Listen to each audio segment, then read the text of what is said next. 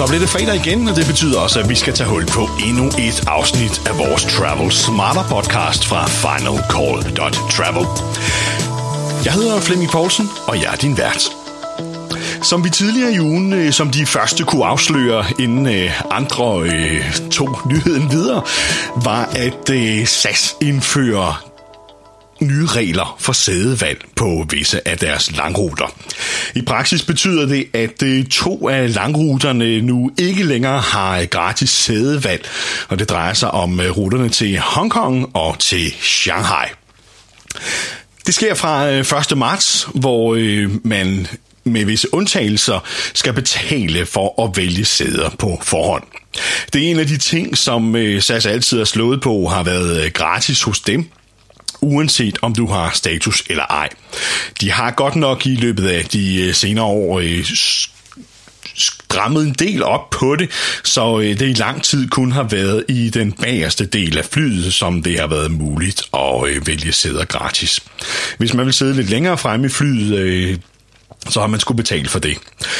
Så i praksis er der måske ikke tale om den helt store forskel her, fordi de bagerste sæder, det har været en forholdsvis øh, begrænset del af flyet, og det har også i praksis betydet, at rigtig mange, som bestiller tættere på afgang, ikke har kunne vælge sæder det alligevel, fordi alle har været optaget, eller i hvert fald har øh, en stor del af dem været optaget, så hvis man er flere, der rejser sammen, ja, så har det ikke været muligt at sidde sammen der. Det skal det siges til SAS' fordel, at øh, det er stadig muligt at vælge sæde gratis de 22 timer før afrejse, når check-in åbner, så øh, kan man logge ind og vælge sit sæde frit i hele kabinen. Øh, til forskel fra Norwegian, der tidligere indførte eller fjernede den fordel, hvis man ikke har betalt for sædevalg. Så får man tildelt et sæde, og så er det bare det, man har at tage, og kan ikke gøre noget bjerge til at skifte sæde, medmindre man betaler et øh, skyhøjt gebyr for det i lufthavnen. Det er øh, så langt er SAS dog ikke gået endnu. Der er visse undtagelser øh, for øh, det her, øh, den her blokering for gratis sædevalg, og det er naturligvis, hvis du har status øh, som guld, diamond eller pantheon i Eurobonus, så kan du stadig vælge gratis sæde ved bestilling, både på kort og langruter, som man altid har kunnet. Derudover så øh, øh, hvis du øh, kan få en bekræftet øh, babycot ombord, ja, så skal du heller ikke betale. Og så at der er undtagelser for øh, passagerer med øh, specielle behov. Øh, hvis du øh, øh, hvad hedder det, har et synshandicap eller, øh, eller andre behov for øh, øh specielle behandling ombord, øh, så kan man også ringe ind og få bestilt et sæde uden gebyr. Og det er egentlig ikke så overraskende det her, for det er jo en del af noget, vi har dækket i vores podcast her, men også i øh, utallige artikler på Final Call Travel igennem øh, længere tid om kapløbet mod bunden i øh, flybranchen. Og der kommer mange flere af de her. Og nu tester SAS, det ser det ud til på to ruter, altså Hongkong og Shanghai her fra 1. marts. Og jeg er 100% overbevist om, at øh, inden for ganske kort tid, jamen, så bliver det her standarden på alle langruterne hos SAS. Øh, og som sagt, det er ikke øh, så voldsomt overraskende, og det står meget godt mål med, hvad mange andre flyselskaber også gør. Du skal stadig betale kassen, og skulle i lang tid øh, for at vælge sæde, hvis du flyver med øh, British Airways eller Lufthansa for eksempel. Øh, der har det heller ikke været muligt at vælge sæde ved booking i lang tid, medmindre du betaler for det, og øh, hvis du ikke har status hos dem. Selv på øh, business class hos British Airways skal man betale for sædevalg, hvis man ikke har øh, status hos dem. Så som sagt, der er ikke noget overraskende i, at SAS kommer med det her, øh, men derfor er det naturligvis øh, en kedelig udvikling, vi ser i branchen, at der er sådan en ekstrem fokus på at unbundle og kræve gebyr for alt muligt. Det gør der altså ikke bedre og lettere for kunderne. Det bliver langt mere uoverskueligt både at sammenligne øh, produkterne mellem de forskellige flyselskaber, men også at finde ud af, hvad koster det her egentlig? Og så giver det en enorm frustration, de her ting, med at med mindre man vil betale en formue for sædevalg på forhånd, som jo gør billetprisen meget, meget dyrere, ja, så skaber det en usikkerhed det fjerner noget af den øh, glæde, man har ved at se frem til en rejse. Man ved, man sidder sammen med familien, og der er ingen stress og så videre. Og alt det der, det tager man altså ud af flyrejser ved at indføre alle de her gebyrer.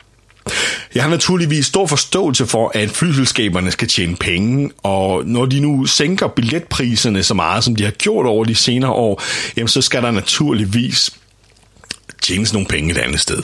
Og, øh, øh og det er jo så på den her måde, man har valgt at gøre det. Det, der undrer mig en lille smule, er, at passagererne ser ud til at acceptere det.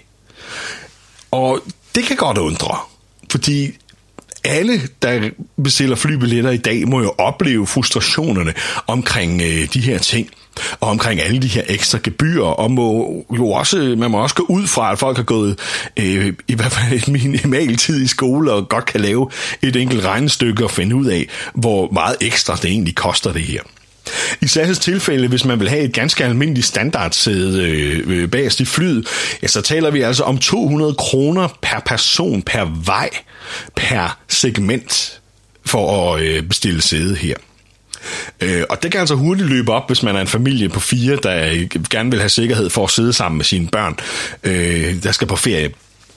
Hvis man vil have øh, lidt bedre sæder, eller det er jo ikke engang bedre sæder, men, men hvis man nu vil sidde forrest i flyet, øh, så er vi helt op på 300 kroner per vej for noget, som reelt ikke burde koste noget. Altså, hvis flyene er fyldte, så skal der jo ligesom sidde nogen i alle sæder her. Og bare fordi man gerne vil være sikker på at sidde sammen med sin familie, så øh, er man næsten tvunget til at betale et øh, skyhøjt gebyr. Og det er, jo, det er jo ikke gebyrerne i sig selv, jeg har det store øh, imod. Men det, jeg har noget imod, er, at man spiller lidt på folks frygt for at børnene skal sidde alene. Og naturligvis kommer børn ikke til at sidde alene, men man kan sagtens risikere, at en familie med to voksne og to børn bliver splittet op to steder, så der sidder en voksen med hvert barn. Og i min verden, der er det jo altså ikke opskriften på, at man får en god start på ferien, og, og man sidder hele familien sammen og hygger sig på flyrejsen, og, og, og kan snakke sammen på vejen. Og det er jeg sikker på, at sådan ser de fleste det, specielt familier, der rejser. Det betyder måske ikke helt så meget, hvis det bare er en voksen, der rejser alene. Men som en familie, der tager på ferie, der, der tror jeg næsten, man føler sig tvunget til at skulle betale for det her sædevalg, hvis man skal have sikkerhed for, at man får en øh, god start på ferien, og hvis øh, børnene ikke bliver, bliver umulige og utrygge og så videre. Det skaber en ekstrem usikkerhed, som man jo netop spiller lidt på øh, for at få folk til at betale de her ekstra penge. Og jeg ved godt, at sådan har verden udviklet sig. Det er et, en stor gebyrjungle, vi lever i på næsten alle områder og alt, hvad vi rører ved. Øh, men jeg må indrømme, at jeg har stadig lidt svært ved at forstå, hvorfor verden bevæger sig i den retning. På et eller andet tidspunkt må man jo nå en smertegrænse, så øh, folk får nok. Der må på et eller andet tidspunkt være flyselskaber, som tænker, måske vi kan vinde nogle kunder på ikke at være så gebyrfokuseret, og så bare tage lidt mere for billetten. Øh, sådan vil jeg selv have det. Det har været en af mine argumenter for i mange år at primært rejse med netværksselskaber. Og det argument fjerner de, ja ikke bare stille og roligt, men i, øh, i en voldsom hastighed nu, når øh, jeg selv med høj status hos for eksempel SAS, øh, der kan jeg selvfølgelig stadig vælge sæde i det mindste indtil videre, men at man også skal til at tænke på bagage, og skal man forudbestille det, skal man bestille i en anden billetklasse, og det gør bare tingene besværlige. Og for mig er det et frustrationsområde, som jeg i virkeligheden har betalt ekstra for i mange år for at slippe for. Og øh, nu bliver det bare svært at slippe for. Fordi jeg kan godt købe en billet, som er øh, en højere billetklasse, hvor jeg kan de her ting. Men jeg skal stadig forholde mig til det, når jeg bestiller. Jeg skal igennem junglen af forskellige billettyper øh, øh, for at ramme den rigtige og undgå alle de her fælder, som øh, det jo næsten er, som flyselskaberne ligger ud. Argumenterne for at bruge et netværksselskab, eller et af de traditionelle selskaber i dag, er jo, er jo langt den ad vejen forsvundet for mange folk. Og specielt for de folk, som ikke har status, og som måske ikke rejser så ofte, de kan lige så godt booke den billigste billet tilgængelig nu, fordi efterhånden finder man jo ud af, at produkterne uanset selskab, er skrabet helt ind til benet. Og hvad skulle incitamentet så være til at vælge et flyselskab frem for det andet, ud over den billigste pris?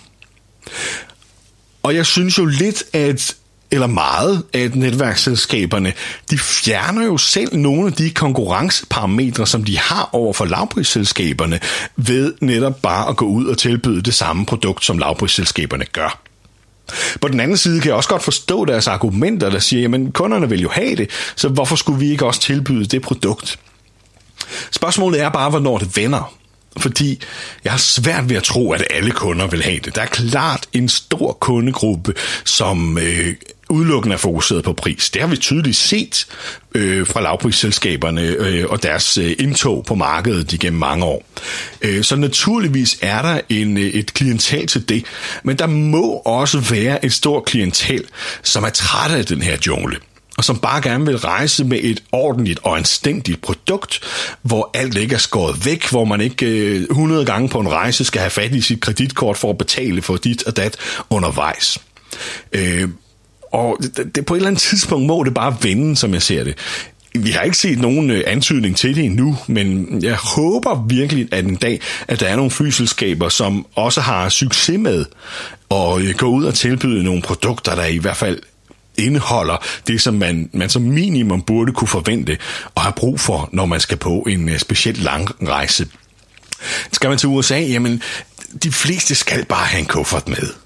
Skal man rejse med familien, jamen så peg på den familie, som ikke har et ønske om at sidde sammen de har ikke nødvendigvis et ønske om, at de skal sidde på den første række, eller det skal være en gangplads eller en vinduesplads, men som minimum i hvert fald, vil man bare gerne have garanti for, at man sidder sammen med sin familie.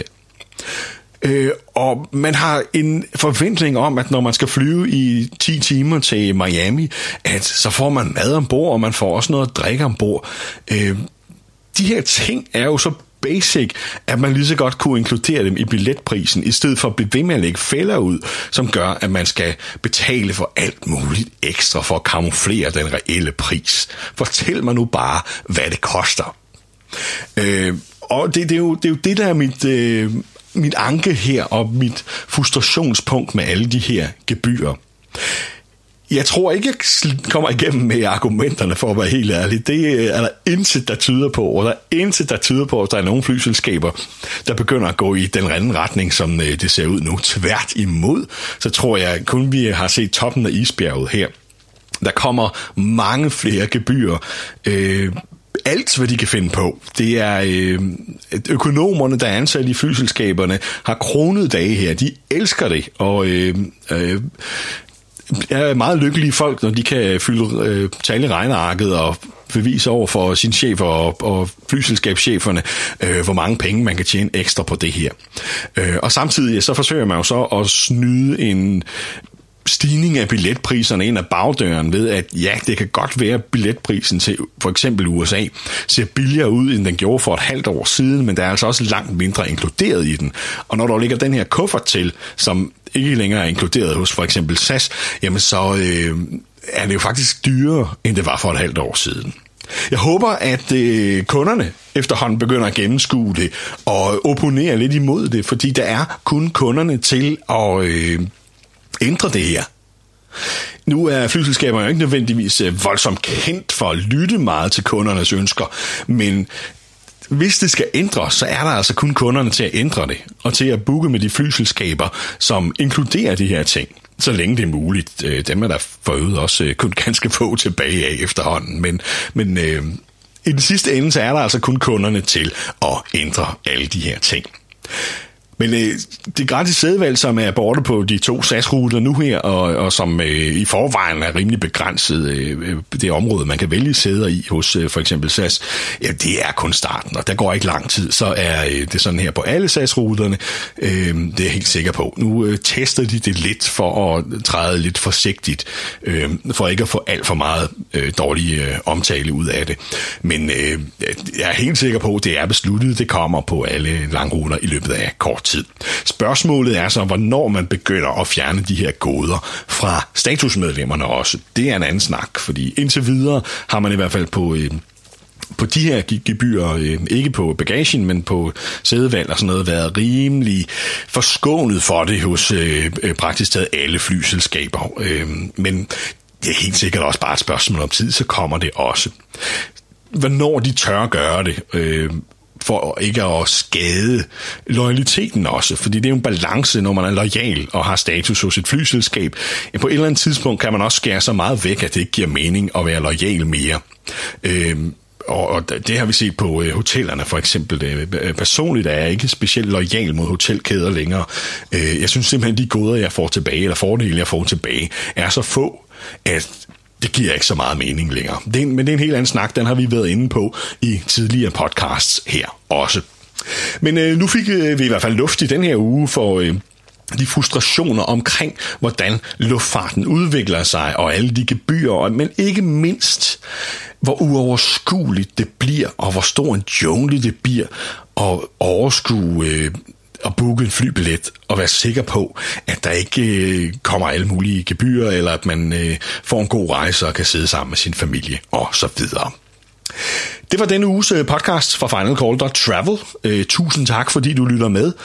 Vi vil blive rigtig glade, hvis du abonnerer på podcasten her i øh, for eksempel iTunes, hvis du øh, liker vores opslag på sociale medier, og ikke mindst, hvis du har lyst til at dele med dine venner, så vi kan få endnu flere til at øh, rejse smartere og få glæde af de råd og tips og tricks, som vi hele tiden kommer med på Final Call Travel.